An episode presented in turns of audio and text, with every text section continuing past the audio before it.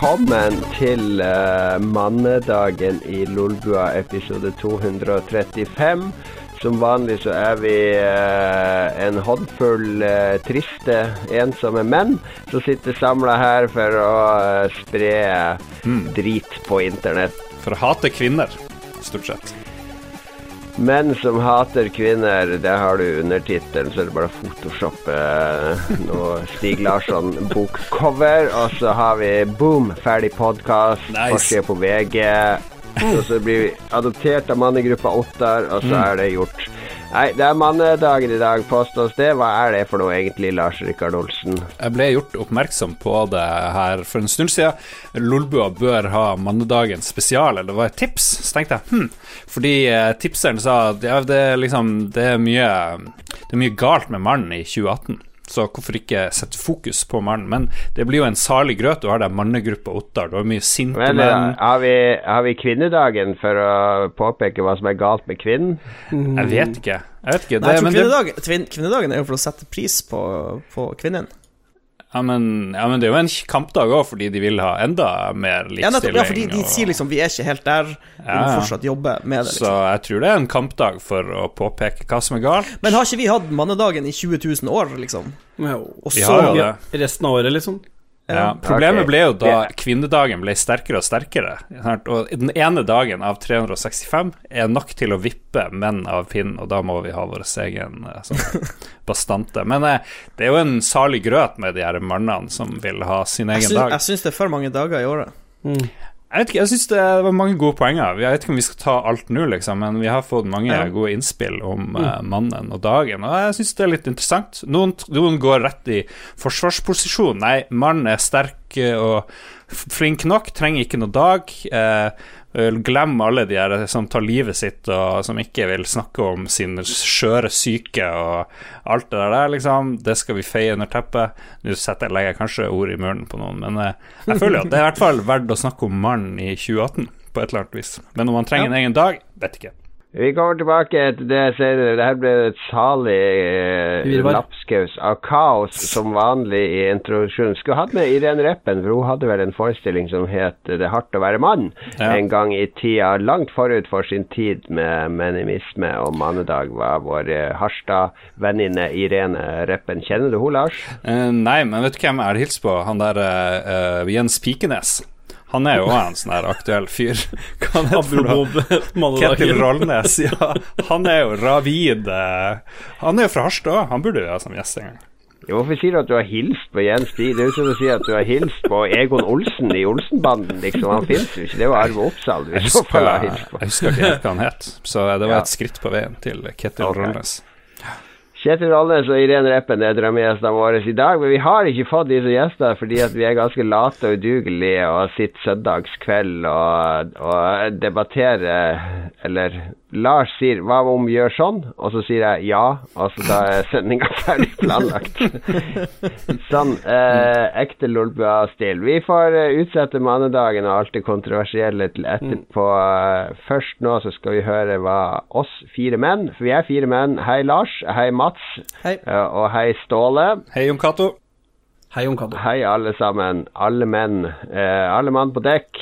Nå er det på tide å fortelle hva vi har gjort i det siste. I marinen. Ja. Der hvor det bare menn er. Mats, du er den som er nærmest å være i marinen. Du er i et veldig mannsdominert miljø ute på oljeplattform. Dere smører hverandre inn med olje og lotion hver kveld før dere går i dusjen sammen. Ligger og spuner på det trange soverommet. Oljeplattformlivet er hardt. Hva har du gjort i det siste? På sendeskjeva står det at du har fista deg med en hammer. Stemmer det? Jeg vet ikke hvem som har skrevet det.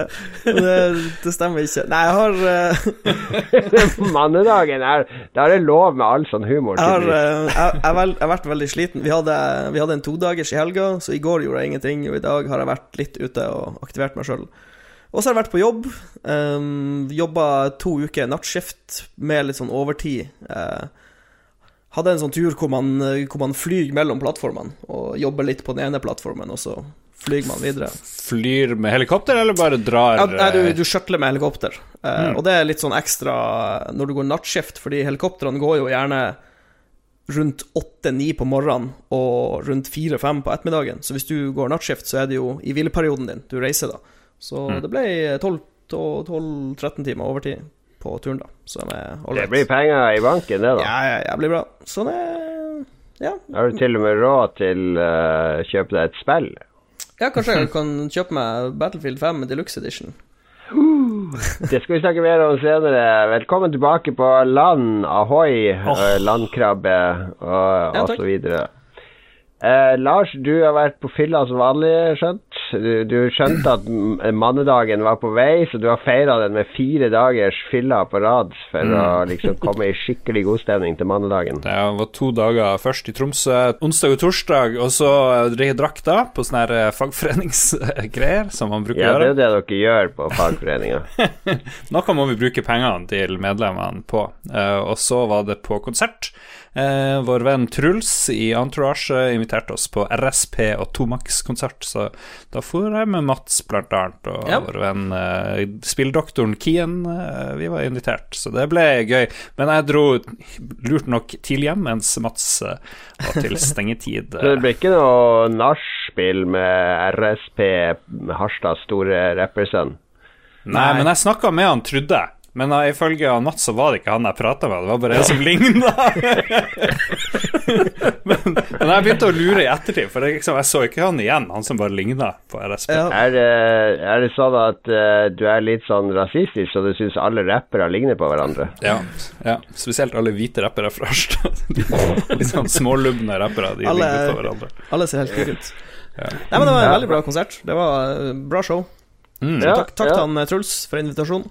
Ja, takk, takk til Truls som har invitert meg til konserten deres i februar. Not.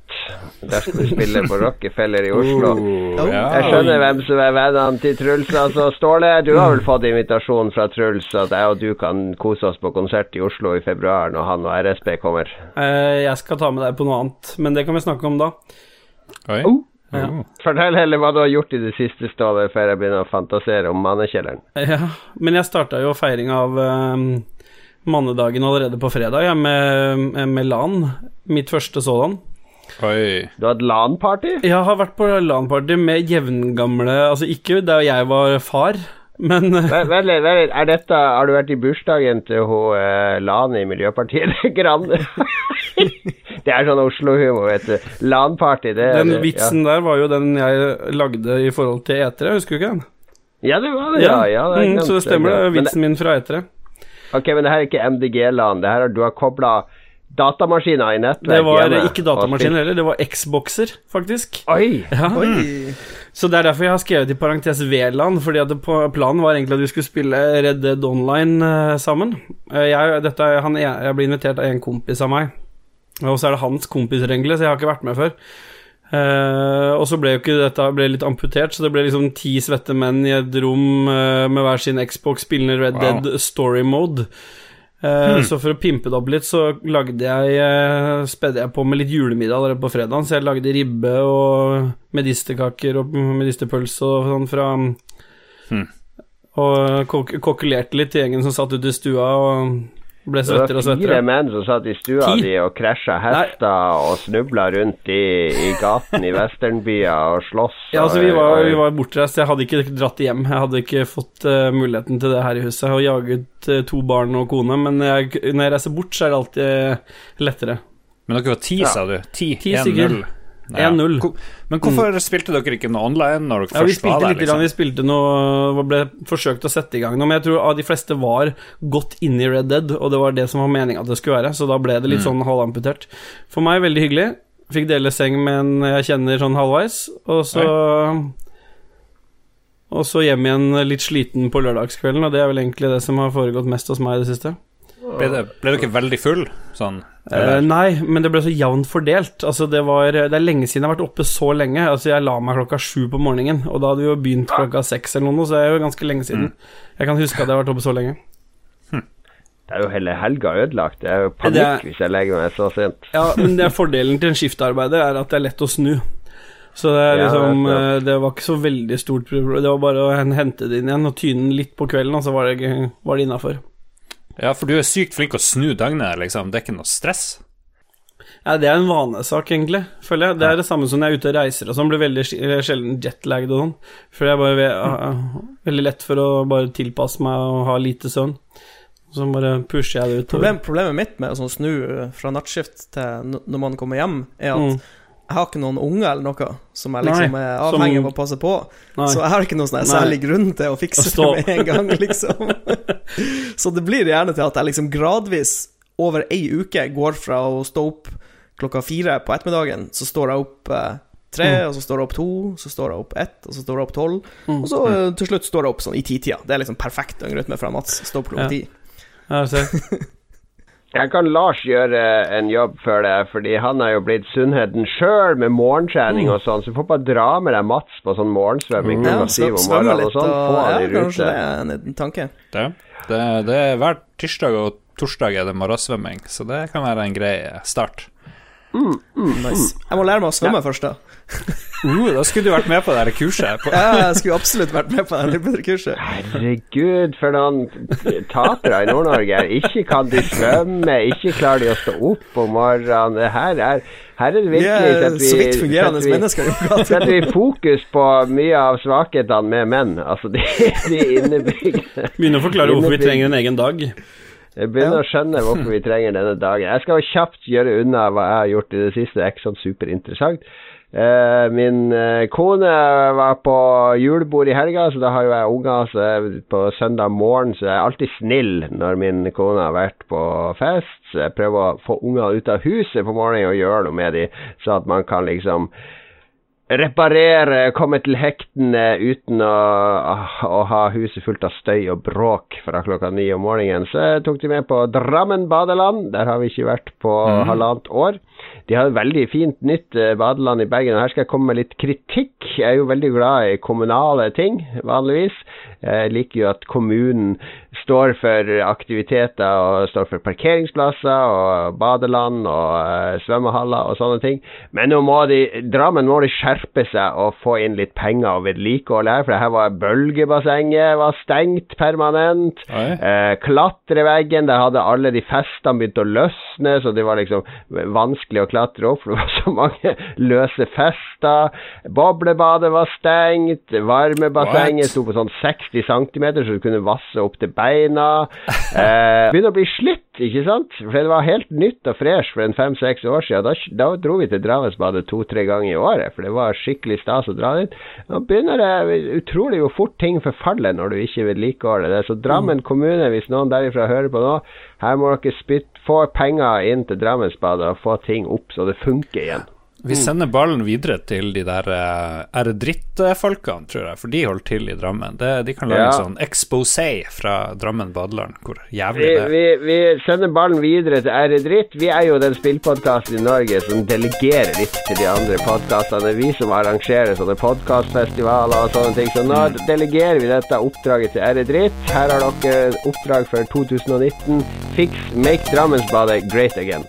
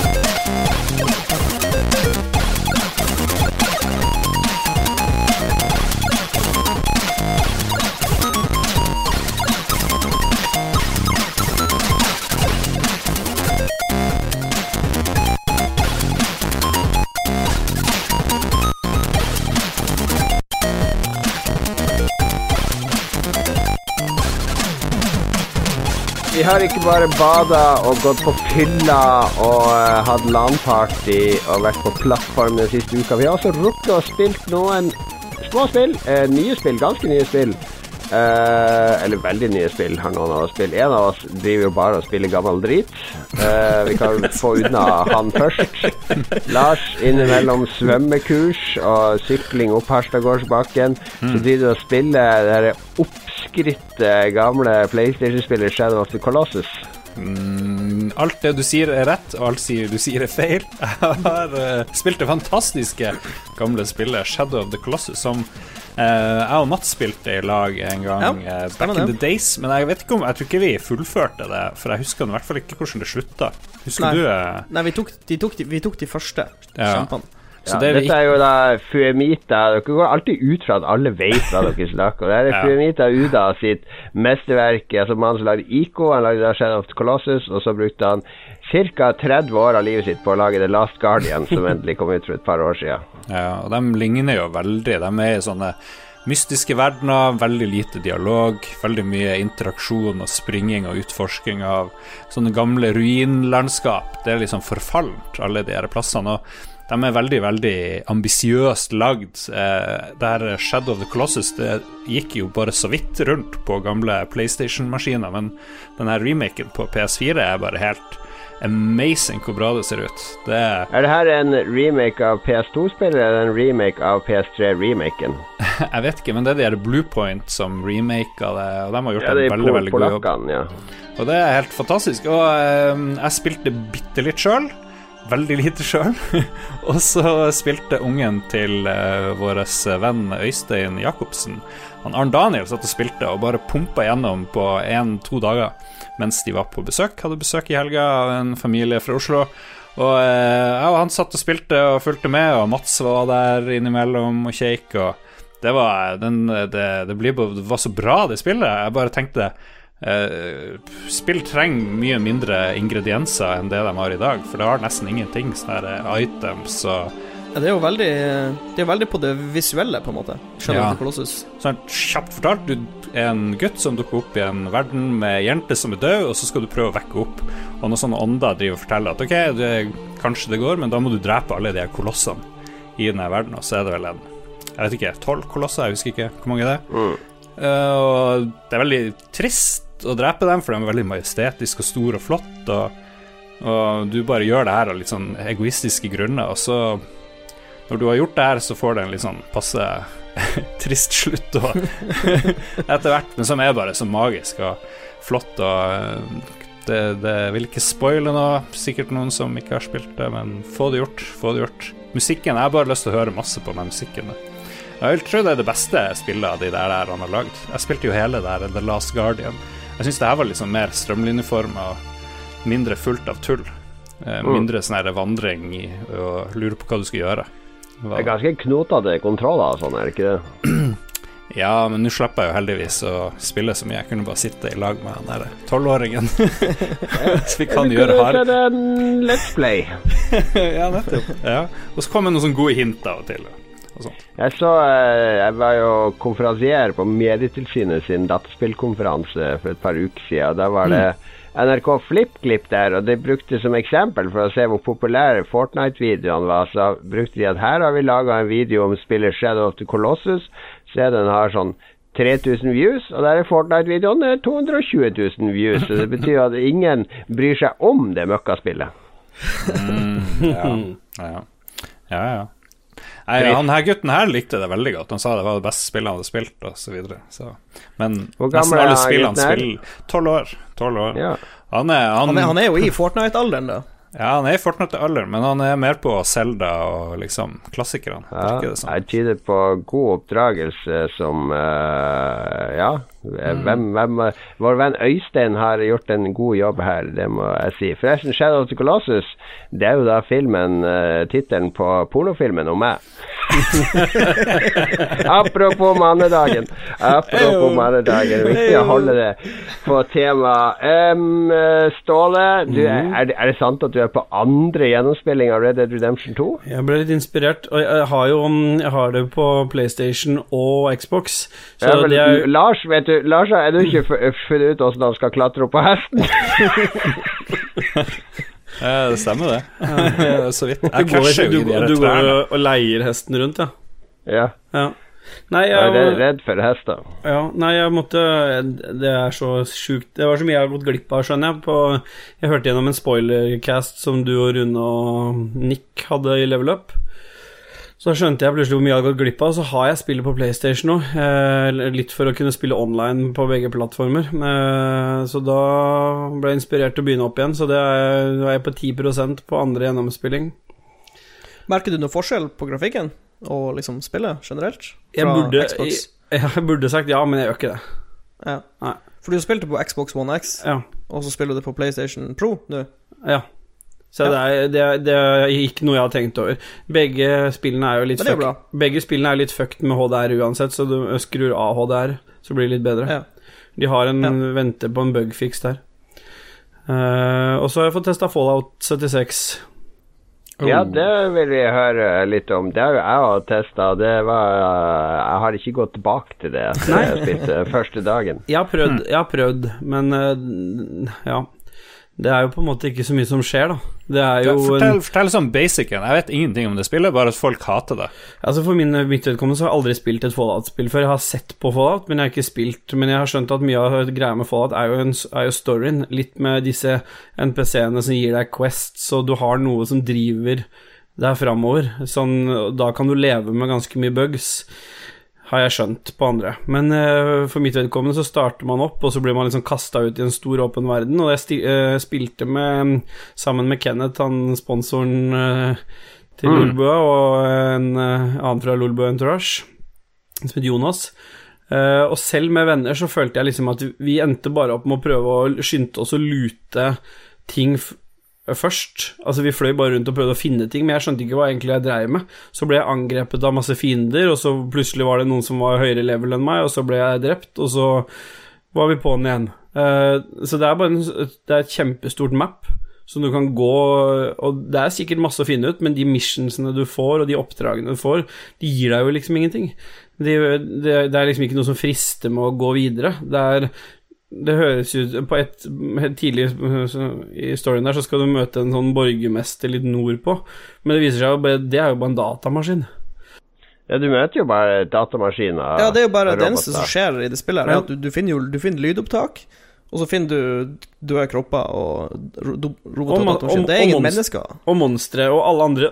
Og selvfølgelig, i kjent online-stil, så er det jo sånn at enten så er det Altså, de du spiller med, det er selvfølgelig hyggelig å le og hjelpe hverandre med å ta unna noen monstre, men alt av andre spillere du møter hva, hva, Det er jo ikke noe sånn en klapp på skulderen av de. Det er jo, øh, selv med level 1 så ble jeg jo møtt av i hvert fall fire andre som prøvde å starte en øh, Starte med å skyte på meg, for det er jo sånn i det spillet at hvis du ikke du skyter tilbake. Ja, hvis du ikke skyter tilbake, så så får de ikke gjort noe særlig skade på deg hvis andre online-spillere gjør det. Men, de, men det, var liksom, det er det eneste jeg opplevde. Det var liksom at eh, jeg ble skutt på andre som håpa på å starte en, en fight. Og det er på en måte da, da føles det egentlig Dette var jo mye av det der Nå skal jeg, har jeg fått beskjed av Lars å ikke nevne det, men jeg må nesten nevne det, for dette var jo mye av kritikken til Sea of Thieves en gang i tiden òg. men forskjellen der er jo på en måte at PVP-delen og det online-messige fungerer, pluss at det er NPC-er som gjør at verden føles i hvert fall levende, selv om den mangler innhold. Mens her så føles det veldig sånn Du føles veldig alene, selv om det er masse hvite prikker på kartet. Så altså, det sitter og vurderer Altså, på å donere det til en i entourage. En usedvanlig stygg verden er det når du kommer rett fra Red Dead Redemption Ja. 2 med alle de fantastiske natureffektene og lys og tåke og natt og, Ja. og månelys. Så kommer du til det her som ser ut som noe sånn PlayStation 3-grafikk. Ja, det ser ikke bra ut, altså. Det var, det var ikke noe bra overgang fra um, å komme fra Red Dead, nei. Altså uansett hvor den hva du syns om spillet, så det var, er nok en dårlig kombinasjon å komme inn i det verden her. Og så er det jo Det har kommet to patcher siden, jeg, siden det kom ut, og begge patchene er, på, er like store som spillet i seg selv, dvs. si rundt 50 gigabyte. Så det virker som når de patcher spillet, så patcher de hele kildekoden. Jeg er ikke sikker på hva Ja, de det driver er med. en, en remaster, rett og slett. Ja. Som det heter på utviklerspråk. Jeg har sett litt på streams. Han Shroud har jo streama litt eh, Fallout 76, og så har jeg lest litt artikler. Og så var det noen som hadde lagd en sånn 20 minutt hitpiece-video på Fallout 76. Og det er bare så mange rare avgjørelser med Mm. de her lydopptakene. Ingen eh, menneske-NPC-er. Eh, og endgamet er jo at du du, skal, du kan jo finne en sånn launch code og liksom sende av gårde ei atombombe. Ja, ja. Og liksom sprenge ei atombombe. Og så når du sprenger ei atombombe, så kommer det noen sånne her supermonster du kan drepe. Og da har de bare kopiert eh, animasjonene fra dragen i Skyrim. Og, og liksom, det er akkurat som å slåss med en drage i Skyrim, bare at de har brukt en annen modell. Akkurat samme animasjonsriggen og Det virker bare som det er skikkelig copy-paste. Og jeg kan ikke forstå at de har brukt så mye ressurser som de sier de har brukt til å lage det spillet der. Det har de da, da lurer jeg på hvor er det de har brukt alle de arbeidstimene. For det er ikke i, i det spillet vi spiller. Men når eh, Ståle sier at han ikke skjønner opplegget, er det fordi han har ikke spilt Age of Conan og liksom de, eller Conan Exiles, mener jeg, og andre sånne her survival eh, Nei, men jeg Ting. liker konseptet survival, skjønner du. Så det, det skulle ikke være det. og Jeg, det er et knotete system i spillet, men det tok Ja, meg ikke jeg, så jeg har spilt Age of Conan, og det er jo en drøm i forhold til det her. Fordi for det første må du jo navigere alt i menyer via den der dumme Pip-Boy. Mm. Så gjør at alt er bare sånne lister med tekst og, og tall bak i parentes. Og så, og så er det uendelig med materialer å lute og finne. Så må du finne hva, hva er det som inneholder aluminium. Eh, så må, går det liksom å plukke opp alt mulig av drit. Og, du er basically en sånn gatefeier som går og feier opp alt i håp om å finne de her tre trebitene og den aluminiumen som du trenger for å lage en sånn leggbeskytter. Eh, så, det, så er basically så utrolig mye micromanagement med items, og ingen sånn målretta jakt på dette må jeg ha for å lage buen, eller noe sånt. Du kan selvfølgelig, når du kommer inn i det, så blir det litt lettere, men, uh, men hvis du syns menyene i Red Dead Redemption 2 er vanskelig å manøvrere i inventory, så kan du bare glemme å spille Fallout 76, altså. Det verste er jo på en måte at de tunge menyene legges oppå en online Eller en verden som du plutselig blir angrepet av. Du kan, du kan til og med stå i campen din og begynne å fikse med noe. Og så plutselig kommer det masse mm, monstre som angriper deg i campen der. Det skjedde med meg mens jeg sto inne i den Peep-Boyen og prøvde å lære meg den fordi jeg ikke kunne den fra før. Så selv om jeg liksom fikk noenlunde dreisen på det, så er det på en måte bare så tungt og så dårlig skrudd sammen at det, det er ikke et spill de burde gitt ut nå. I hvert fall ikke med tanke på alle de andre spillene som har kommet ut i høst osv. Jeg skjønner ikke hva de har tenkt med. Men det er jo sikkert noen som har det gøy med det. Ja da, det er helt greit å ha det gøy med Fallout eh, 76. Uh, meg og Mats vi hatt det veldig gøy. Så jeg har vært eh, Mats og hans kompiser, proffe kompiser spilte i går. Og så fikk jeg lov å være med. Det var akkurat som å ha med bestefar og spille dataspill. Kom inn med min 0,4 KD-ratio og ble drept gang på gang i fjellene i Narvik og i, eh, i andre slagarenaer i andre verdenskrig. Ja. vi har vært eh, kvinner og fargede personer i andre verdenskrig. Ja. Vi har spilt Battlefield 5, dette kontroversielle krigsspillet fra Dice. Dette politisk korrekte historieforfalskningen. Er det skandale på skandale, eller er det faktisk bra, eh, Mats? Jeg syns det funker veldig bra. Eh, men nå er ikke jeg noe sånn her superfokusert på at alt skal være historisk korrekt når de lager dataspill. Eh, Så lenge- så lenge de er ærlige Gamer.no har en anmeldelse der de bruker fire avsnitt på å klage over at det ikke er hakekors i spillet. Fire! Fire hele avsnitt på å snakke om at det ikke er hakekors i spillet. Hvor, mye, hvor, mange, hvor mange kvinner er det i det spillet som er soldater? Det vil jeg Så mange vite. du vil. Så mange er du jo vil. kvinner. Hele, hele laget kan være kvinner hvis du vil. Ja, ja, ja. Totalt Det, det, urealistisk. det, eneste, det eneste jeg har eh, hvis, jeg, hvis jeg skal klage på noe med, med kvinner, er at når de tar skade og dør, så er det veldig sånn her intense hyl sammenligna med når de mannlige soldatene Ja, tar skade og dør. Ja, Når en mann dør, så er det sånn «Åh!» Som Duke Nukem-grynt. Ja, han grynter litt. Mens når en kvinne dør, så er det sånn det så- det er sånn Os Oscar-performance-hyl når de Ja, dør, så de kunne, de kunne det- tona det litt ned på hvis jeg skulle klage. Men uh, gameplayet er kjempesmooth. Det er veldig fint uh, gunplay. Det, er, det flyter bra. Uh, det, ene, det eneste som jeg merka nå, etter å ha spilt ti pluss timer i helga, er Du har sånne bombefly. Uh, Ja. Som er litt, det er litt større enn sånn fightere. Uh, de har sånn 250 kilos bombe de kan slippe. Og hvis du får en god pilot i et sånt bombefly, så kan han liksom Han kan snu kampen alene. For det er jo, det er jo 32 spillere på hvert lag, så én infanterist kan ikke på egen hånd snu kampen. For han, han må, du må ha et lag, du må ha en, en god squad, du må ha fire gode karer. Men ett et sånn bombefly kan, kan gjøre at du vinner eller taper. Og det syns jeg blir litt uh, drøyt. Ja, fordi jeg, jeg kan drepe sånn seks-syv stykk med et godt treff. Men er det sånn at Mm. bombeflyene kan drepe Er er det friendly fire på de, så at de bombene dreper dine egne òg, hvis du bare slipper Nei, det er det som er det, eh, På vanlig Conquest så er det ikke friendly fire, så du dropper de, de flyr bare over flaggene og er dropper de. Totalt urealistisk! ja. Nei da, det er bare at bombeflyene er litt, litt for kraftige. Men det er jo sånn, er jo sånn game balance-greie. Ja, jeg har også noen, eh, noen våpen som er eh, ubalansert, som var det i betaen, og som fortsatt er det. Eh, spesielt når de har alle perks. Maskingevær og sånn. Men hvis vi bør snakke om spillet som i seg sjøl, så syns jeg det fungerer veldig bra som Battlefield. Du må, bare Mm. være, du må bare være innstilt på at dette er den gamle kjøttkverna som er Battlefield. Du kommer til å dø, du kommer til å respawne, du kommer til å dø, du kommer til å respawne. Men det kommer jo noe som heter Tides of War, og så kommer det Royal, som er deres Battle Royal-greie. Uh, Tides of War kommer vel nå i desember, tror jeg. Og så Ja. kommer Royal uh, over nyåret. Så de har vært ganske smart å ikke slippe alt på en gang.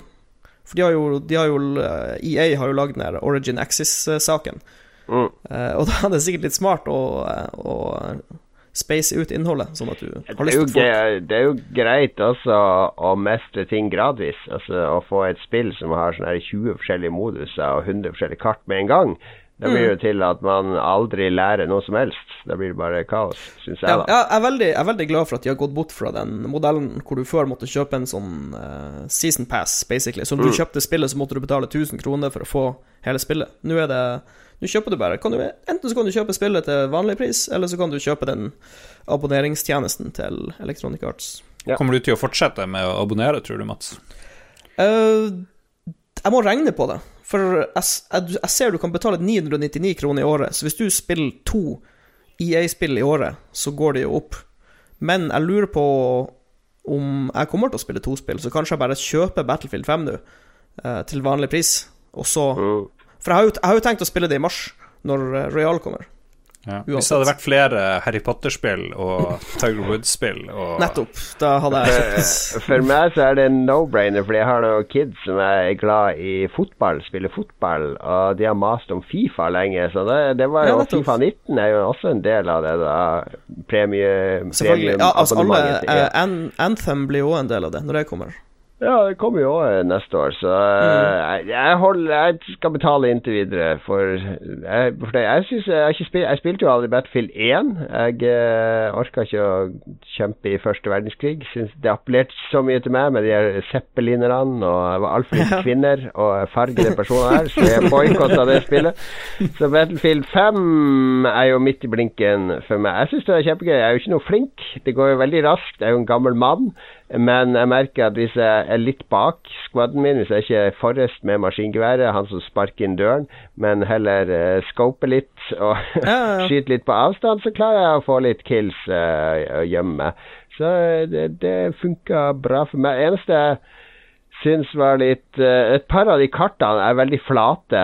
Altså, Ja, jeg føler stemmer. liksom at uh, du er eksponert uansett hvor du står, og så er det en eller annen sniper eller en tanks på andre sida av kartet som. Som eh, skyter Du har ingen mulighet til å du, Gå de her 300 meterne og ta den basen der, så må du bare løpe 200 meter gjennom sånn superåpent terreng der du bare kan bli drept når som helst. Det, det var ikke så gøy. Men Helt, eh, eh, helt enig. halvparten av kartene er kjempebra, halvparten er ikke så bra. Det høres ut som det er sånn standard Battlefield.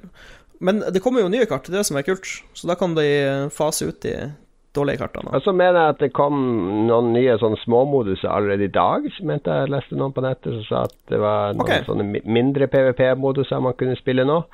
Ja. Men det har ikke jeg sjekka ut. Vet dere, Nei, hvor men, mange, vet dere hvor mange Battlefield-spill det har kommet?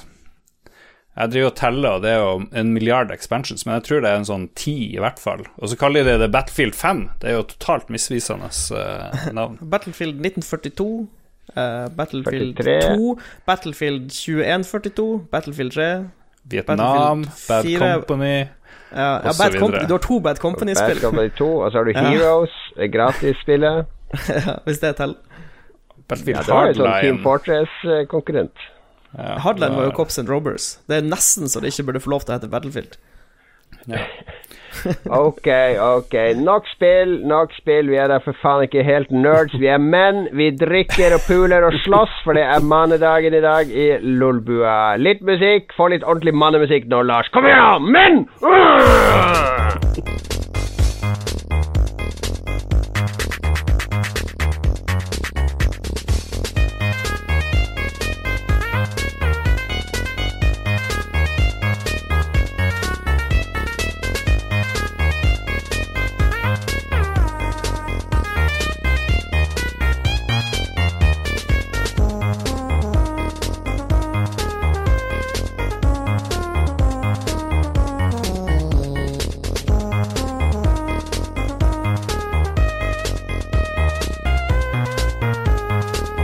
Alle ekte menn så setter vi av en halvtime hver dag. Da skal det være stilt i huset. Da skal barna gå på rommet og lukke døra, for da skal far se nyhetene.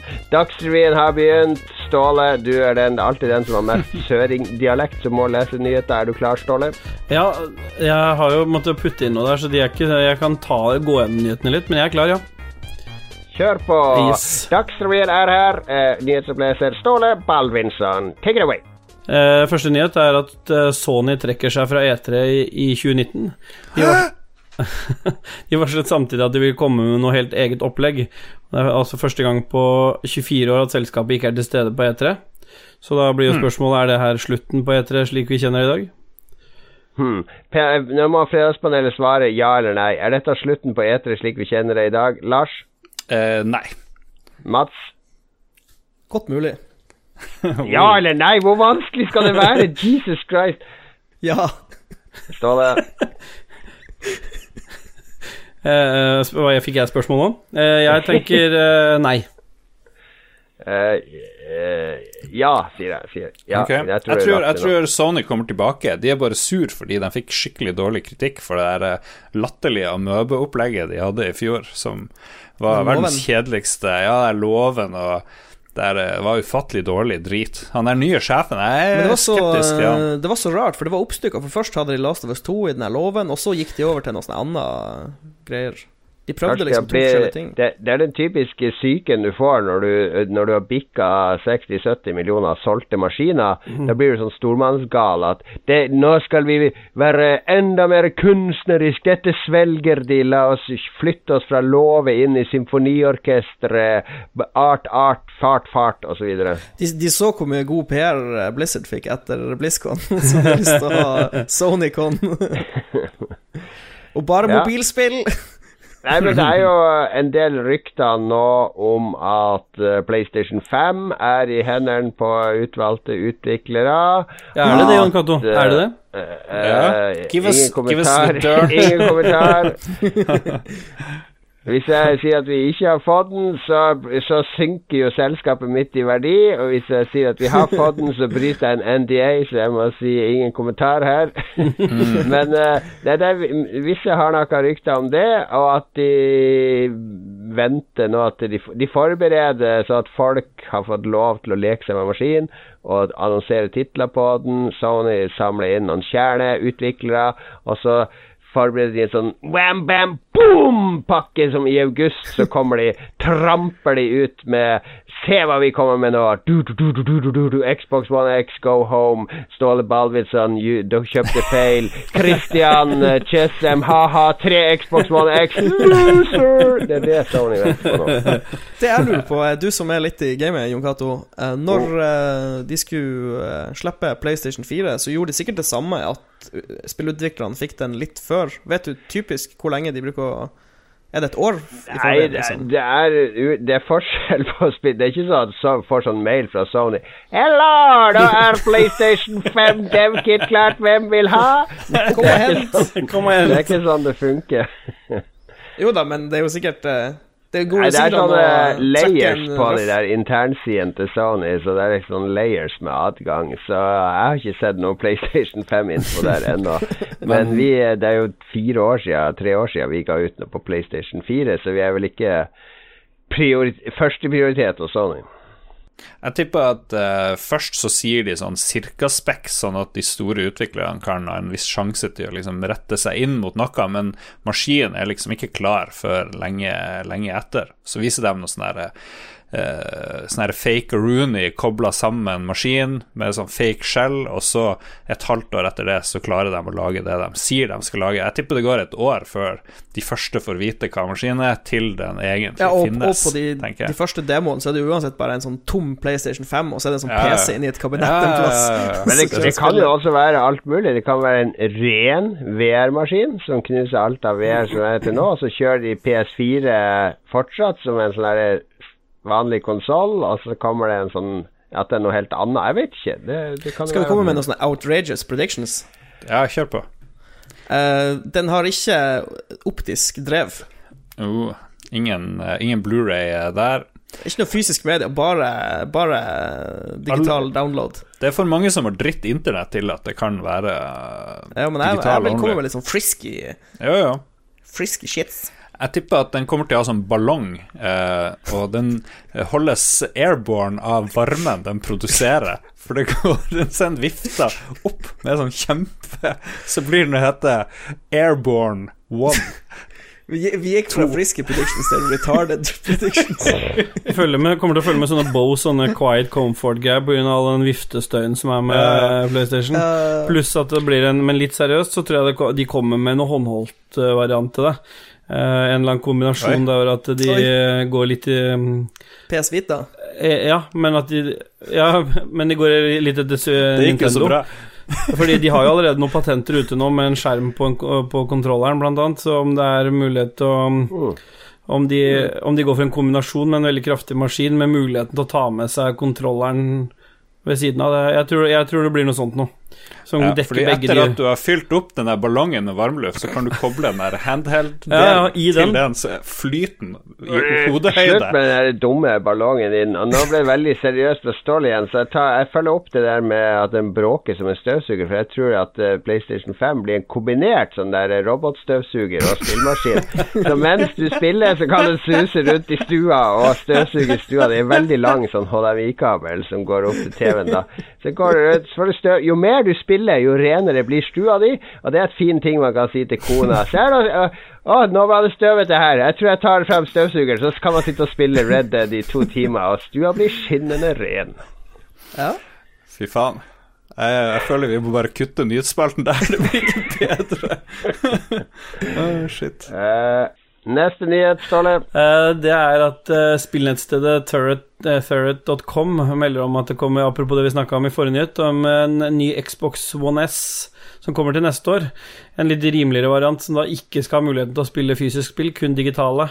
Altså Den vil også komme i en litt lavere pris. eh, Selvfølgelig en prisklasse. Og så prøvde jeg å legge inn et poeng her at i Japan så selges jo Xbox One S som en billig Blu-ray-spiller, og ikke markedsføres som en konsoll mange steder. Men der så klarte jeg ikke å finne på et godt poeng, så Lars har ikke gjort det ellers, så da, da blir det stående som en, Det Fun en fact. potensiell vits. en potensiell Det er jo de vits som beste. aldri Men uh, eh, det er vel en U UH Ultra Blu-ray-spiller? En UHD-spiller? Mener du sikkert? Uh, Ja, det er det nok. Det mener jeg jo, selvfølgelig mener jeg det, Mats. Fire, Men fire. eh, eh, jeg er glad for at du begynner å lese eh, sånne renommerte og viktige spillsider som Thurrot.com. Ja, det er jo i helvete, det kan jeg si. Jeg har aldri hørt det. Jeg tror det er sånn Furries-side. Det ser ut som noen har prøvd å stave carrot, men så har de sånn talefeil. Thurrot. Thurrot. What? Did you read the news on Thurrot? Thurrot.com says Nei, det kan jo hende at noe av dette er fake news som jeg bare har funnet på, men Mest sannsynlig. Men hvem bryr seg om Xbox Nei, One hvem S? bryr seg egentlig om det, annet enn at de får, kanskje håper på å selge enda flere konsoller på slutten av en konsollperiode ved at de Ja. er enda rimeligere. Det er vel det eneste formålet med dette. Merker du i redaksjonen her nå, Ståle, hvor interessert vi er å snakke om den kommende Xbox One S? uh, men jeg er ikke uenig i at det kanskje var den dårligste nyheten, derfor plassert midt i, for da jeg har lagt en litt mer interessant nyhet til Mats på slutten. Nå ble det der fine bildet det, borte. Gå videre Eh, det. Star Citizen har nå hjelp av 100, uh, fans i 171 land samla inn 200 millioner rest og kroner der, men det er dollar det var ment å stå. Eh, spillersjef Chris Roberts takker selvfølgelig fansen for den voldsomme støtten. Så selv, eh, og selv om verken Star Citizen og enspillerkampanjen eh, kalt Squadron 42 har fått noen slippdato, sier Roberts at prosjektet er nærmere slutten enn begynnelsen. Det er diffust. Hvor lenge har de holdt på? Jeg har lyst til å si at kickstarten kom for fire år siden, kan det stemme? Fire år siden. Så Ja. de, eh, det er kanskje bare fire år til, cirka. Ja. Tre år til. Hvor mange prosent av de 200 millionene kommer fra deg og Dag Thomas, Mats?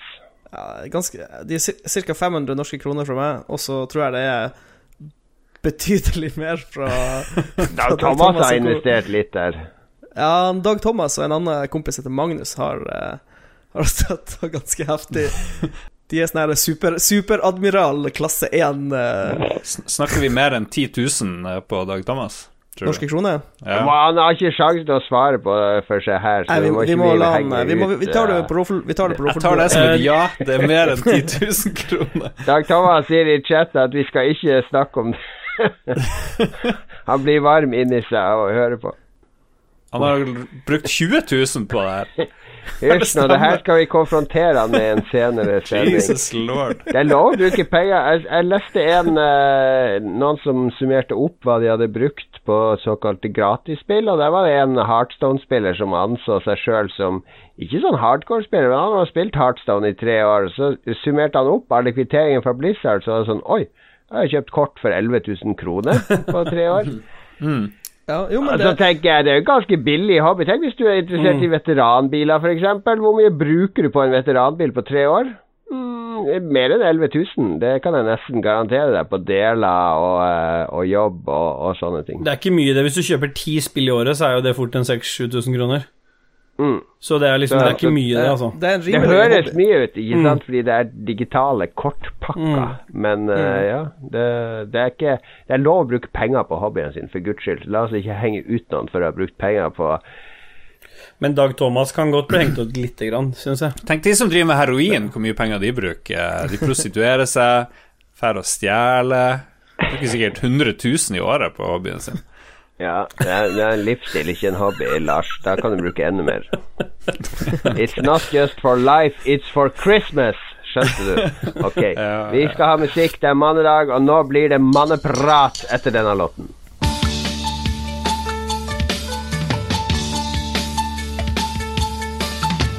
It is the best machine that is around anywhere in the world. the professional machine of the future.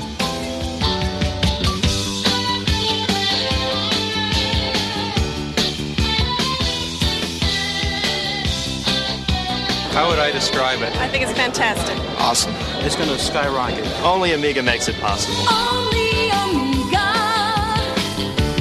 makes it possible. Only Amiga makes it happen. Mann! Det er meg, og, og jeg tror de andre her, de er ikke så mann som meg. Jeg er kanskje den største alfahann her, er dere enig i det? Absolutt. Det, du er den mest, eh, mest Du har den størst penis av oss alle, og jeg har sett alle her. Og det tenker tenker jeg går for det. Det er det som avgjør det, tenker jeg. Ja, det er jo Nå skal jeg være litt alvorlig. Vi skal snakke Det er mannedagen, og vi Jeg har ikke sett du, penisen til alle. Jeg du har sett min, har du ikke? Ja, det er Ja, selvfølgelig. bra. Uh, hvem er det som ikke har sett min? Det må vi gjøre noe med. Jeg har ikke sett din Jeg, Jeg har- jeg har sett penisen din. i jeg har ikke fått Bra. sett den tegningen engang, jeg.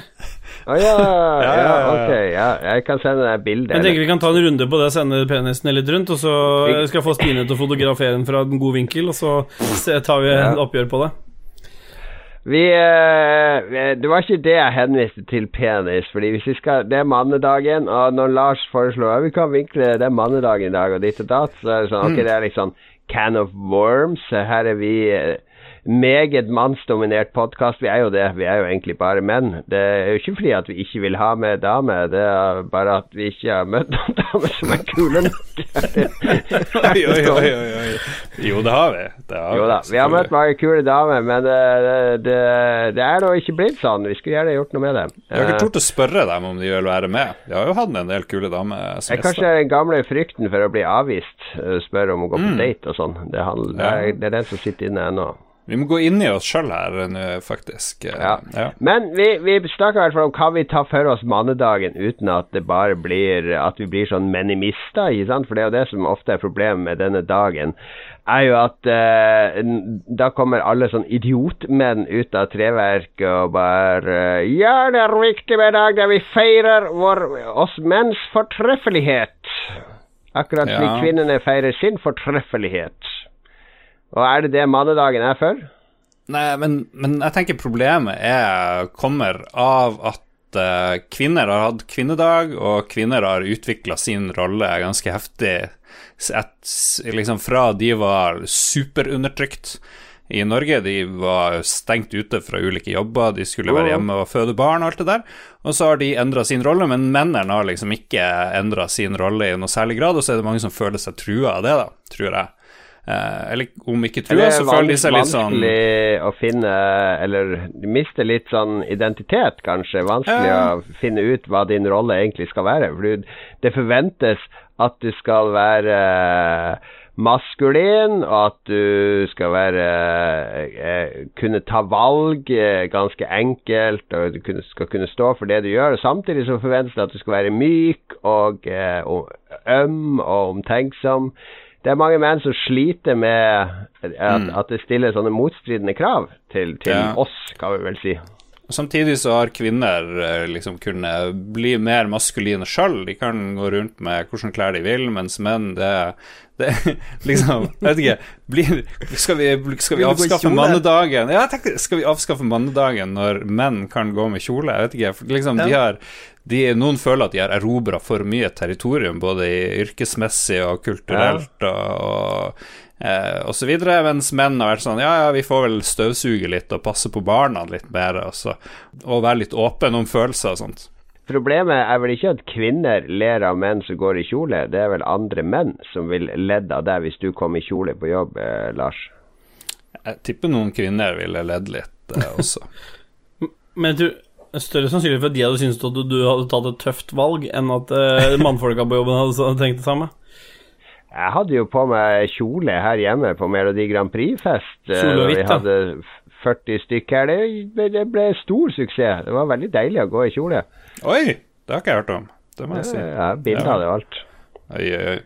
Ja, nei, eh, så jeg føler at det er en sånn suppe, og så er det veldig mange menn som ikke har lyst til å snakke om de her eh, nye, nye tidene vi lever i, og, og der kommer litt av motstanden mot å snakke om mannedag, samtidig som at man har ikke lyst til å bli assosiert med mange av de idiotene som er i den mannegruppa Ottar. Så det er litt vanskelig. Det er litt vanskelig akkurat den der manne, mannedagsgreia. Jeg bare syns det var en god uh, oppsummering. Er det noen andre menn her som har noe å legge til? Nei, jeg, er jeg, jeg ikke innafor kategorien mann allikevel. Du er jo så- mest mannemannen vår jeg står litt, ikke det? Kun, kun snakk om porno. Kona di er kun et objekt for eh, sex. ja, men Er ikke det ofte en eh, sym symptom for at det ikke er som det skal være, kanskje? Jo, det er jo Kanskje jeg er en av de som trenger den dagen mest, egentlig. Ja, men La Lars, du kikka jo litt på Fordi jeg, jeg kjøpte, bestilte en bok fra Amazon. Jeg er veldig flink til å impulskjøpe bøker. Eh, fordi hvis jeg får et hint fra noen jeg stoler på, eller ser at de leser en bok som er litt interessant, så bare ja, den kjøper jeg meg på Amazon med en gang. Så det, det, er, jo- ja, det er jo sånn klinisk akademisk bok som heter New Psychotherapy for Men. Eh, som handler om hvordan eh, altså terapi og, og eh, psykologfaget har er vridd mot å behandle kvinner, og menn motsetter seg terapeutisk behandling i langt større grad enn en kvinner.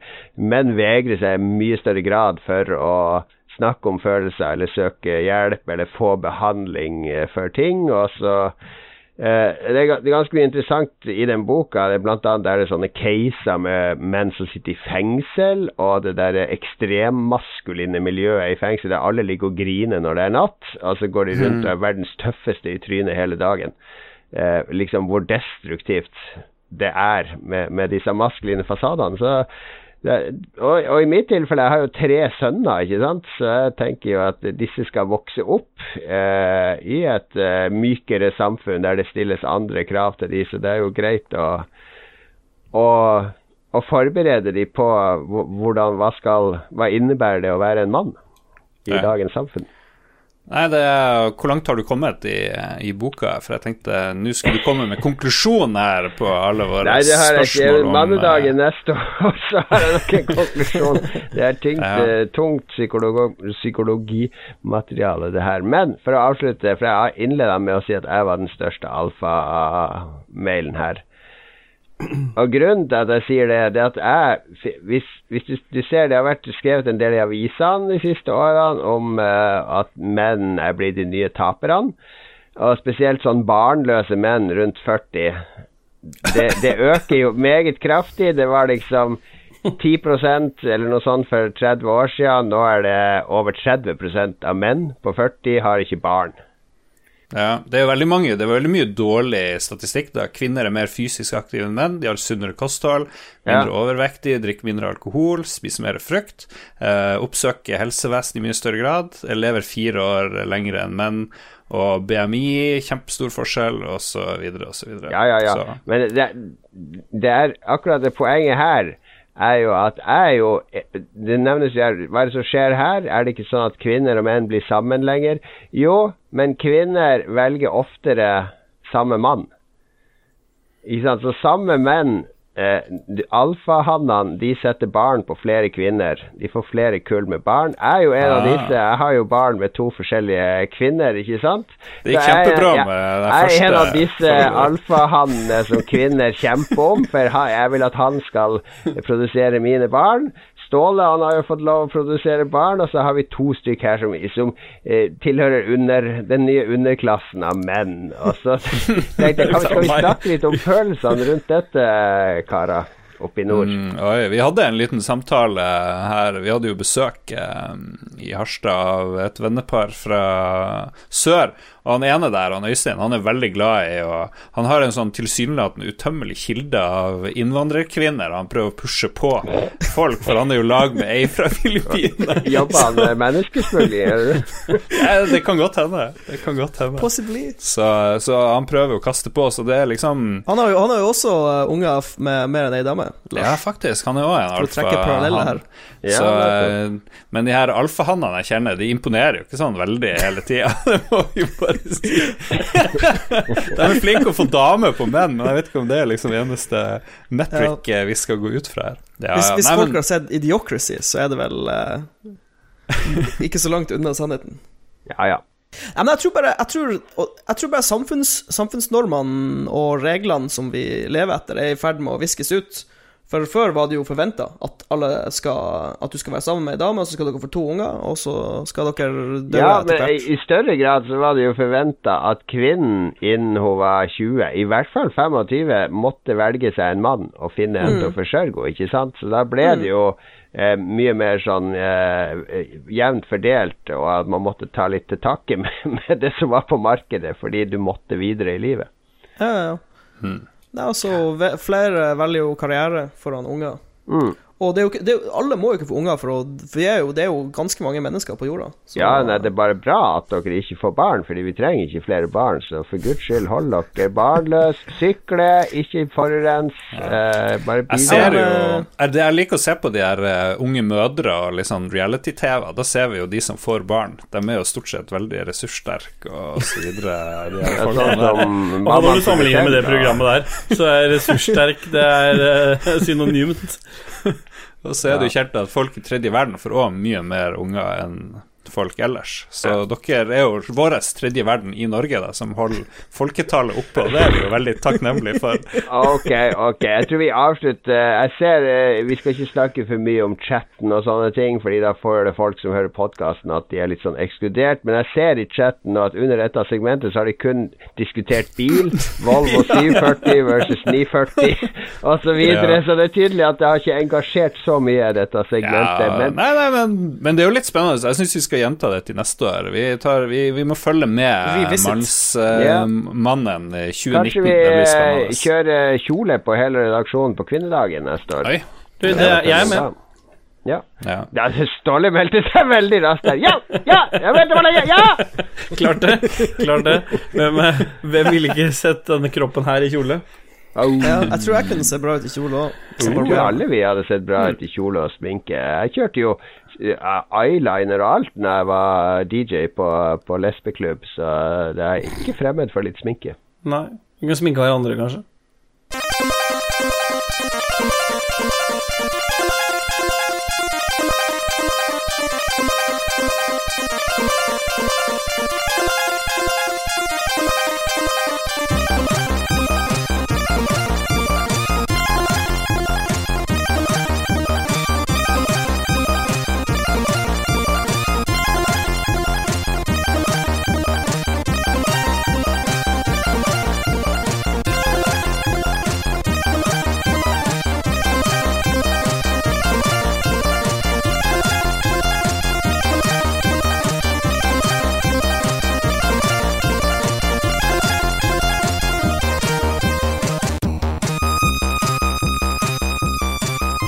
Mannedagen, for en dag. Eh, Dag Thomas har bevis på at han ser bra ut med sminke, har vi fått melding om fra vårt eh, redaksjonsmedlem. Det skal vi vise frem ved en spesiell anledning. I mellomtida så skal vi i hvert fall eh, komme med ukas anbefaling. Jeg vet ikke hvor mannete anbefalinger vi har denne gangen, men vi kan nå begynne øverst. Lars Rikard Olsen, du eh, følger med på eh, vår store taper Magnus Carlsen. Herregud, for hvor mye uavgjort skal det gå an å spille? Hvor mye feige, ja, feige, kjedelige partier skal de spille i dette sjakk-VM-et? Ja, jeg har jo fulgt med på sikkert eh, fire av de her eh, syv-åtte partiene som har gått nå, og det er felles for alle. Remis, remis, remis, men det har vært litt spennende eh, innimellom, det vil jeg si. Men Jon Cato, du har jo vært live omtrent på den her nye norske sjakkplassen. Det, det må vi jo få en liten rapport Jeg var vært to ganger på The Good Night, faktisk. En meget hyggelig plass. Sist gang så var han der ene skalla duden som av og til er gjest på NRK, han som var den der latteren. Han Atle Grønn, Atle Grønn, han er jo genial. var- Jeg var innom der. Eh, så det er jo Sjakkmiljøet henger tydeligvis på det stedet. Eh, men det er en hyggelig plass. Good night. Jeg anbefalte den forrige gang i. Ja, nettopp. Ja, ja. Men det, det jeg lurer på, er Er det VGTV sin, eh, sitt studio, eller NRK sitt studio, som gjelder? Jeg foretrekker NRK sitt, men det, jeg syns VG-studio blir litt sånn der eh, krampaktig VG. Altså det, sånn som det fotballprogrammet deres og sånn. Blir litt sånn heseblesende. Litt sånn TV 2. Ja, jeg, jeg er enig, også, men jeg tror hvis du er skikkelig sjakknerd, så tror jeg du henger på VGTV. For han der Lahlum og de der er jo så nerd som du får det. Og han der eh, Jan Ludvig Hammer, de har talefeil i øst og vest og sånne her helt syke klær og greier. Det er jo Jeg vil, jeg De bør være gode i sjakk, er det du prøver å si? ja. Nei, men jeg har uh, fulgt med på sjakk. Litt skuffa over Magnus Carlsen. Jeg tror han kommer til å tape. Jeg tror han er så hans identitet de siste jeg vet ikke, syv årene, eller hva det er. Han har vært nummer én i syv år snart, eh, og han har vært verdensmester eh, nesten like lenge. Og hva er han hvis han ikke er verdensmester, liksom? Det, jeg tror han er så redd for å tape at det blir knyt i seg. Fordi nå kjenner han at uh, han der eh, Fabiano Caruana Han har liksom sakte, men sikkert kommet opp på samme live-rating. De har 2801 eller annet, begge to. Det har aldri skjedd før. Jeg tror han der Karjakin var langt etter i, for to år siden, da de spilte VM-kamp, men nå så puster liksom resten av sjakkeliten han i nakken. Så jeg tror han kommer til å tape. Han kommer til å knekke under det her. Så hva med å drite i sjakk-VM? Ta heller og last ned chess.com-appen, eh, som har masse kule og gode og informative eh, sånne leksjoner på mange ulike måter, både på strategi og regler og lang liste. Du kan bli premiummedlem, men selv gratis er det veldig mye ting. Og så kan du spille med folk du kjenner, eller eh, fremmede. Og det er helt genialt. Det er lenge siden jeg har spilt sjakk, men da jeg var i Tromsø nå i forrige uke, så var jeg på et utested på Huken pub og satt og spilte litt sjakk. og Eh, Tapte soleklart, men det, det er veldig gøy å, å vri hjernen sin selv i fylla. Fyllesjakk er en ny ting. Det burde jo være noe vi i Lolbua gjør mer av.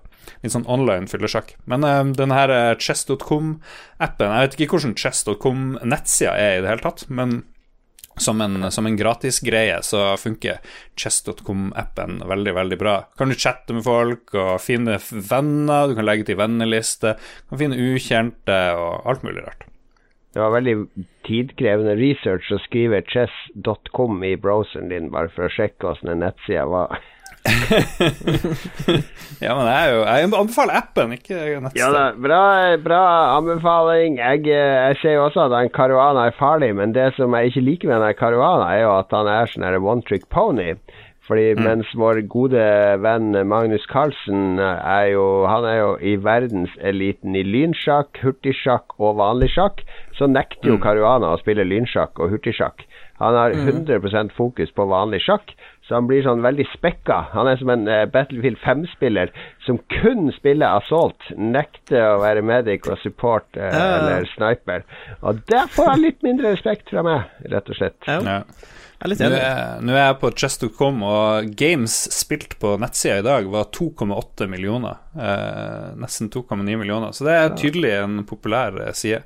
Så her kan du spille mot eh, datamaskin, spille mot mennesker og alt mulig rart. Så eh, det ser ut som å være en bra nettside òg. Spiller mot menn, for det er mannedagen.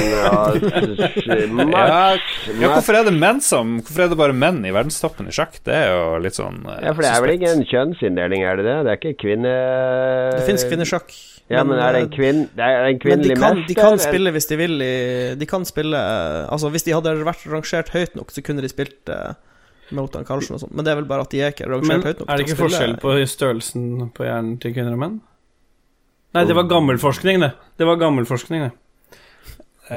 Størrelse på hjernen, var det du sa? Ja, det var det gamle, gamle dager så sa de Når du har solide punchlines, du må si de høyere, ikke bare mumle ikke ut. eh, ja. Nei, jeg skal Gullkorn. Jeg er jo ikke Komiske gullkorn. Jeg er ikke alfamann.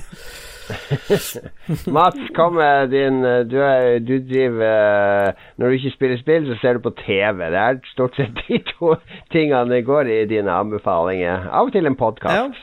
ja, og bøker. Anbe- Og bøker. Og bøker. Ja da. Nei, jeg har da lyst til å anbefale Jeg så en TV-serie før jeg dro på jobb eh, som jeg likte veldig godt. Uh, den heter så mye som The Terror. Um, det er um, en sånn uh, period, uh, period piece. Eh, den um, Det er ti episoder eh, som tar for seg eh, en ekspedisjon for å kartlegge Nordvestpassasjen i 1847. Eh, også kalt Franklins Lost Expedition. Så du, det er um, to Det går bra, med andre ord. ja. Det er to skip, HMS Erebus og HMS Terror, som vi følger. Og så er det tre sånne lederskikkelser som er hovedkarakterene. Det er to, to kapteiner og en kommandør. Um, Og så går det litt dårlig, kan vi vel si. De setter seg fast i isen. Uh, det er liksom det første problemet. Uh, og så blir det bare verre. Det bare eskalerer, og det bare blir helt uh, krise de luxe. Og så er det um, det er veldig bra produksjon. De har lagd noen noe sånn helt kjempeflotte sett, hvor de har lagd interiøret til de skipene. Så du føler liksom Du føler at du er om bord på de skipene i starten, da. Jeg leste at de lagde Nordvestpassasjen. En Ja, kunstig faktisk. Ja, Eh, det, mm, det er litt eh, Når de er ute og går på snøen og sånn, så ser du Vi som er fra Nord-Norge, ser med en gang at dette ikke er ekte snø. Dette er noe sånn pudderjuks, og så er det datagrafikk. Men eh, selve skipene var helt fantastisk. Og så er det mm, De har brukt noe penger på, på den produksjonen her, åpenbart. Men det er veldig bra, veldig bra stemning. Det blir litt sånn I starten så er det sånn koselig ekspedisjonsstemning, og du blir, du blir liksom kjent med de forskjellige karakterene på skipene, og det er litt sånn gnisning mellom de kapteinene, for han ene har liksom Han ene han er fra Irland, eh, og så er han ikke helt født inn i eliten, han har liksom kjempa seg opp, så han er litt upopulær, og så er han muligens bitte litt alkoholiker. Uh, og så liksom utvikler det seg veldig, da, uh, når de setter seg fast i isen. Men jeg har ikke lyst til, jeg har ikke lyst til å si for mye, for det, det, det jeg har fortalt nå, skjer liksom helt Det skjer i episode én, liksom, så det er ikke så mye spoiler. Eh, og de som kjenner litt historie, vet jo hva som skjedde med denne ekspedisjonen. For det er, det er basert på den faktiske ekspedisjonen som satte seg fast i Nord Nordvestpassasjen, men eh, det er litt sånn ukjent hva som skjedde med ekspedisjonen. Eh, De har jo Altså, de, de, det er ingen som vet 100% hva som skjedde med dem, men det finnes mange teorier. Så denne TV-serien eh, starter historisk, og så beveger den seg litt ut i, i fiction-territorium, for det er basert på ei bok eh, av samme navn. Eh, men eh, anbefales veldig hvis du, hvis du liker eh, sånn period-drama slash eh, Mm. eh, litt sånn horroraktig det, det må selvfølgelig advare at det blir veldig dystert etter hvert. Ja, Det er jo bare bra. Og så liker jeg veldig god, god anbefaling, eh, Mats, for det er nesten bare mannlige skuespillere med i den serien. Så det passer meget godt med mannedagen som vi har i dag. Å anbefale en sånn- manneserie. Er det som hvis Black Sails var i Nordvestpassasjen, og de satt fast hele tida? Nei. Black Sails er litt mer sånn kos. kos. Dette Det er også litt mer manneserie. sånn her eh, Oh no. Ja, Og så ble det verre. enda en manneserie. By the way, manneserie Patriot sesong to har kommet på Amazon Prime. Ja, hallo, hallo, du har brukt opp din anbefaling nå. Du skal ikke anbefale Patriot. Det er min dag i dag. Jeg gjør Jeg skal, Det er min dag i dag. Det er alfaham, alfamannen som prater her. Da Tie, Beta og eh, Charlie og Deltamannen. Jeg skulle bare si at eh, den, den kan ses på Amazon Video Prime. Jeg vet ikke om jeg nevnte det. Amazon Video Prime, The Terror, altså anbefales av uh, Mats for de som liker litt grøss og gru og dysterhet i Nordvestpassasjen. Hvem liker vel ikke litt dysterhet i Nordvestpassasjen? Jeg skal anbefale noe geeky og nerdy uh, her. Uh, Richard Garfield, uh, rekk opp hånda de som vet hvem det er. Uh, spillnerd. Uh, ja. Fucking Han er professor i kombinatorisk matematikk, og mannen som skapte Magic the Gathering. Altså Jeg sa jo han var en spillnerd. Magic the Gathering, eh, Android, eh, Netrunner, King of Tokyo Masse spill han lager. Han har også laga det nye kortspillet til Valve. Så blir det første Valve-spillet som kommer på mange år. Det kommer vel nå neste uke, tror jeg. Artifact. Artifact. Han er designer yep. der òg. Han er et geni når det gjelder å designe balanserte Spesielt kortspill er hans uh, spesialitet. Uh, er du professor i kombinatorisk matematikk, så bør du jo være flink til å balansere tall og odds og sånne ting mot hverandre. Og han har kommet med et nytt uh, kortspill nå som heter Keyforge, uh, utgitt av Fancy Flight Games. Kjent for uh, De har masse Star Wars-spill, veldig velproduserte spill. Det er de som har Twilight Imperium, som vi spilte på hytta, Mats. Det er Fantasy Stor, Flight. Så de har veldig velproduserte, ordentlig gode, balanserte spill ofte. Og Keyforge er noe helt nytt innen kortspillsjangeren, for det er et såkalt unique card game. Så det vil si at du kan kjøpe en kortstokk for 120 kroner som inneholder 38 kort. Det er dekken du skal spille med. Det er ikke noe samlekort. Du kan ikke bytte ut dekk. Du kan ikke bygge din egen dekk. Du kan kjøpe ferdigproduserte dekks. Og keyen her er at på Outland så har de kanskje 200 kortstokker inne. Alle de 200 er unike. Og så kan du Oi. dra til USA og til en svær spillbutikk. Ja, der har de 300 kortstokker. Alle de 300 er unike. Og ingen kortstokker er like av de jeg vet ikke hvor mange, et par millioner kortstokker de har trykt så langt.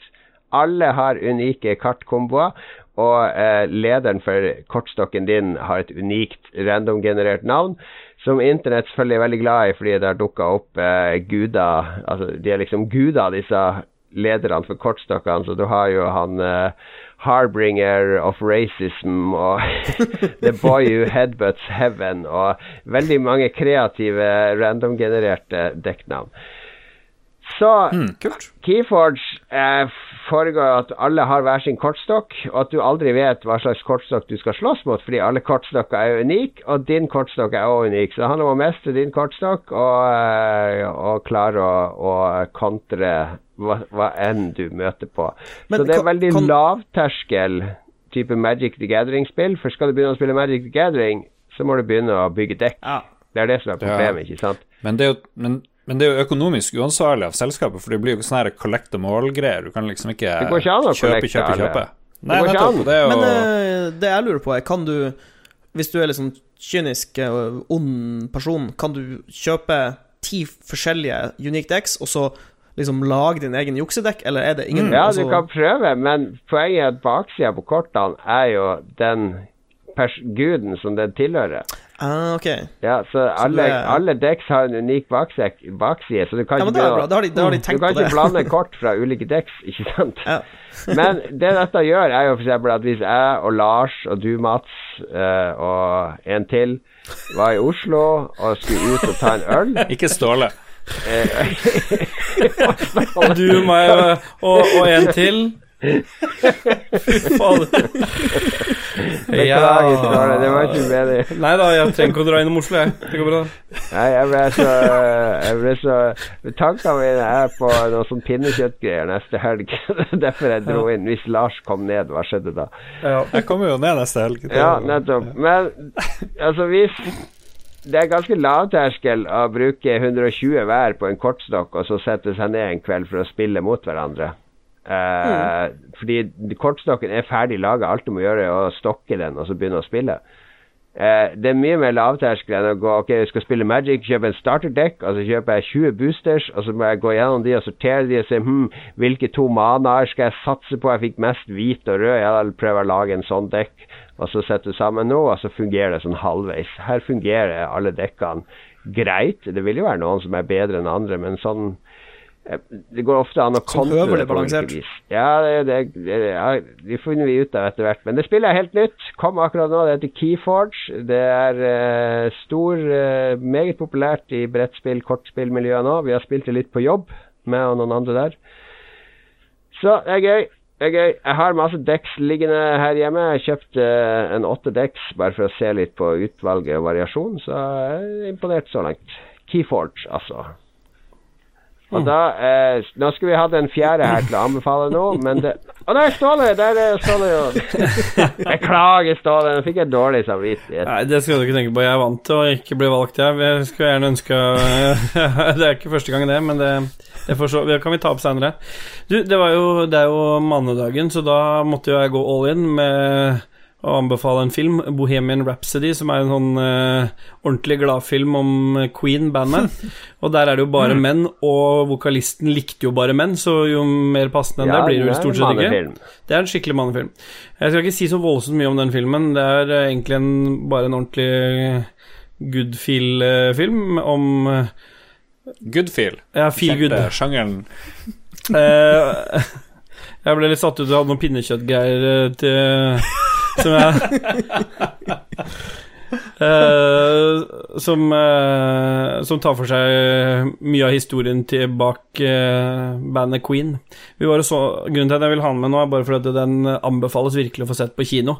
For at det, det blir ordentlig Det er som å være Du føler litt som å være med på en, en konsert. Det er mye musikk, og det er mye Det er god stemning i salen og avslutter nesten Jeg har hørt fra flere at det blir ofte her eh, som har vært og sett, som har fått applaus på slutten, og vi hadde det der vi var òg, så det var ganske mm. feel good, good feel-film. Jeg har bare vært på én film hvor de applauderte på slutten, og det var Kratkid Kid 1. Og det var jo i Og for den var sånn ferdig? her- på 80-tallet en gang oppe i Kirkenes. Ja, det var veldig, veldig god sånn atmosfære i kinosalen. Det er lenge siden jeg har hatt eh, eh, vært og sett en film på kino som har gjort det vært, vært så ålreit å se. Så det anbefaler jeg. Og så vil jeg bare legge til, for selv om det er egentlig bare én ting, så må jeg bare si det, sånn at uh, i disse cowboy-tidager, som også er sånn mannefilm, uh, som ligger på Netflix nå, så må jeg bare få med den, The Ballad of Buster Scruggs. Eh, det er Cohen-brødrene-greia.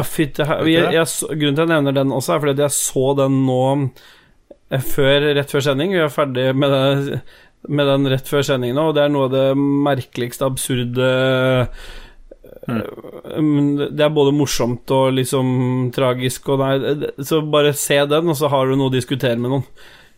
Kan vi bekrefte at det er den nye Cohen-brødrene-filmen? Eller det er Ja, vel sånn det er det. seks historier? Er det Ja, det er seks, det er seks sånne Ikke små historier heller. Det er, de er forholdsvis Og de har, virker ikke som de har noe mening med hverandre Jeg tror heller. de hadde pitcha den som en TV-serie, egentlig, i seks Mm. episoder, men så ble det visst en film i stedet. Men nå er jo jeg Mm. den oppfatning at Cohen-brødrene har ikke laga en bra film på 20 år. Alt etter Big Lebowski er sånn terningkast tre.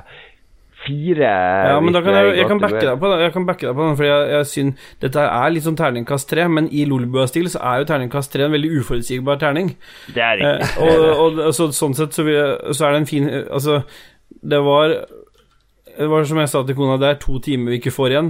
Eh, Men allikevel så var det liksom Vi klarte ikke å ikke sende ferdig, og det ble noen diskusjoner av å sitte og sende. Ja. Så den var, Er det den er verdt å få med seg. nesten bare menn i den, som det er i alle Du, gode du det var litt derfor jeg ville ha den med. Det er cowboyer, og det er jo ikke noe mer mannete enn det.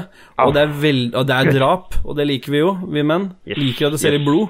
Det er veldig få kvinner, og det er nesten hm? Det er våpen, ja. Ah, Våpen, og det er blod, og det er nesten ikke damer, og de damene som er, de er prostituerte. Ja. Så det er liksom tipp topp. Få med deg den på slutten av de siste byen på nå, så rekker du den innafor mannedagen. Det er bare de som ser på, ikke fordi podkast kommer senere. Men vi Ja, kan de mannedagen i retrospektivt. Men hvor er men No Country for Old Men er jo bra, og Jeg, jeg så, satte også på den. Burn After Reading er også bra. Burn After Reading er mørk. No Country for Old Men. Der er boka til Cormac McCarthy er kanskje ti ganger bedre enn filmen, som faller veldig fra eh, etter første halvdel. Burn After Reading er verdt for å se, å se bare for han eh, Brad Brad Pitt. han er så bra. Han spiller verdens største idiot. Han er 100 awesome. Men de historiene i den filmen her, de, er litt, eh, de sitter liksom igjen. Du blir, for med en gang så ble det liksom går filmen bare videre på en ny historie. Men jeg tok meg liksom sjøl inn nå når vi start, før, rett før vi starta på eh, sånn underveis også, at jeg ble sittende og gruble litt på hva som lå bak liksom den og den historien. Så det er, det er, jeg vil anbefale å få med seg.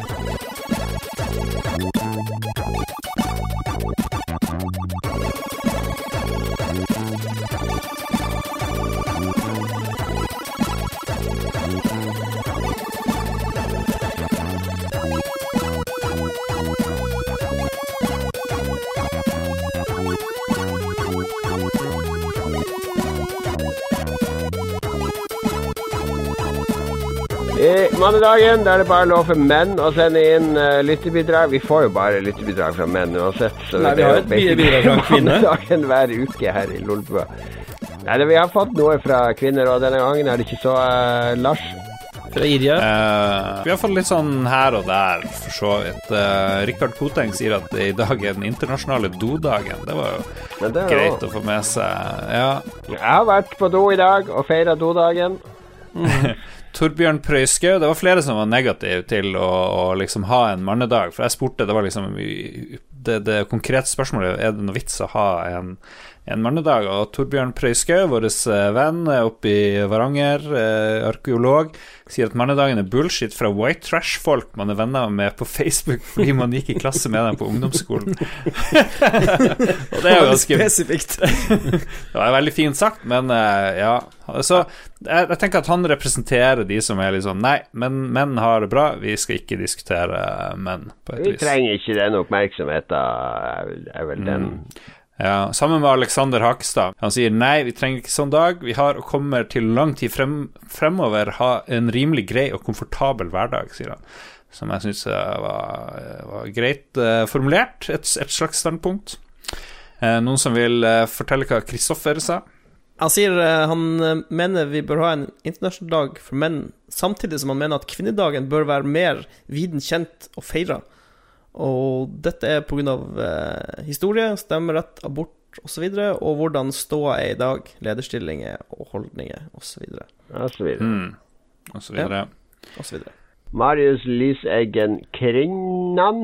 Fint å ha en fast dato til å rette oppmerksomhet mot ræva kjønnsrollenormer, som bl.a. gjør det vanskelig for menn å snakke om følelser, være ute av skapet eh, som noe annet enn hetero og få hjelp med psykiske plager. For det er dessverre ikke nok engasjement for det resten av året, men jeg vil helst slippe å dele den med rabiate MRA-ere og casually homofobe antifeminister.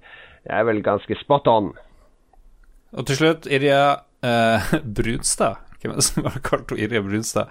Jeg vet ikke. Er det det hun heter? Hun gjør kanskje det. Det er jo venninna venninne Irja. Vet Ja. du ikke hva hun heter engang? Det er, jeg, har, jeg har vært ganske nøye når jeg har lagt inn eh, navn og etternavn, så jeg er ganske sikker på at det er Brunstad. Men hun har et langt navn, så jeg tok bare forhøyt La oss snakke om etternavnet til Irja i to minutter. Det blir bra podkast, Lars. Men liksom, er det Brunst? Er det brunst, brunst Nå, liksom? nå Er det- reacher du Nå reacher du veldig langt. Kom igjen, mannedag er snart over. Du trenger ikke anstrenge deg sånn for å være litt edgy mannehumorist. Hels yes til offentlig mannsdag og likestilling, og gratulerer med mannedagen. Ja, ja. Fasitsvaret er Brustad. Brustad? Brustad. Det er noen som har lagt inn feil. eh. Ja, men eh, igjen eh, sier jeg jo Det er også kjent stil. Jeg er veldig glad for at hun ikke heter Brunstad, Fordi det hadde jeg sikkert følt at Da hadde du unfrienda henne på Facebook. oi, oi, oi. Oh, ok. Ja. Mandagen er over. Og så syns jeg det gikk, karer, hvis vi skal reflektere litt over sendinga nå på slutten med disse vakre tonene som faser inn her. Hva er konklusjonen? Hadde vi Er vi blitt bedre menn av denne dagen? Jeg syns, jeg syns han Lars var inne på noe. Mm. Jeg, jeg tror det, det er en plass for mannedagen. Kanskje litt sånn Ja, la oss snakke om følelsene våre som menn. Vi kan ha hashtag feelingsdagen. Hashtag Men Vi har dessverre ikke tid til å snakke om følelser i dag, så vi må Vi ta tar det om et år. Vi tar det til neste år. Om et år. Vi får uh, avslutte mannedagen for vår del, uh, der uh, vi er menn, på godt og vondt. Vi har våre dårlige sider og gode sider. Eh, noen har flere dårlige sider enn gode. eh, og noen Du, du implisitt jeg mener det, Lars, når jeg sier noe negativt. Jeg gjør ikke det når jeg snakker om meg sjøl òg her. Jeg har mange dårlige sider. Det kan du høre mer om i en fremtidig episode av Lolbua. Husk nå på at vi er i alle mulige kanaler og analer, eh, deriblant Twitch, eh, TV slash Lolbua. Vi er på YouTube, vi er på Facebook, vi er på Twitter, og så har vi en Patrion hvis du vil støtte oss. Da får du også en eksklusiv podkast hver måned hvis du gir oss nok, og eh, får brev fra meg og Merch, har du sendt ut den merchen? eh, Det her tar vi på produksjonskammeret, Lars. Ja, men det er jo reklame. Folk kan få merch hvis det er All merchen ligger ferdig pakka her oppe. Jeg betalte et Oh. barn for å pakke det ned og skrive på adressa, så du får ekte barnearbeid via Lolbua. Støtter via vår patron. Og digge manns mannsbarnearbeid. Det er jo det beste barnearbeidet. Yes. Neste uke blir det en mye mer eh, heteronormativ episode, der vi har eh, hormonene ute av kroppen, og vi kan være vanlige metroseksuelle, myke menn igjen. Eh, mindre testosteron, mer følelser og te og stearinlys og litt sånne ting neste episode. Ja. PS, skal vi si at hvis folk eh, joiner den derre swapper-tieren, hvor de får merch innen uka er omme, så kan de få lov å eh, være med på Nei, jeg pakker ikke mer. Da, da får du, da får du eh, sende det Ja, ja. Jeg fikser det. Jeg kan ta vare på merchen. Hvis dere joiner merch-tieren innen helga er omme, så skal dere få være med der. Ja, og hvis de kvitter merch-tieren før november er omme, så de aldri betaler noe som helst, så går det på Åh. din regning. Vet du hva, Da trekker jeg det tilbake. Det første tilbudet. Da, da finner jeg adressen deres via jobb, og så kommer jeg til å oppsøke dem. Hvis, hvis de joiner nå og fremdeles er med i november, så skal Herregud, så vanskelig det skal være å avslutte en episode. Nå setter jeg, ned, setter jeg handa ned der som mann og sier 'hold kjeft', vi er ferdig, takk for oss.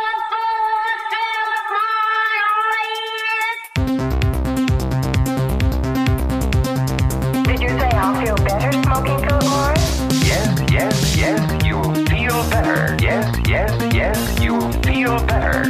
And, and here are the reasons why. And here are the reasons why. Coughs due to smoking disappear. Parched throat clears up, and your food will taste better too.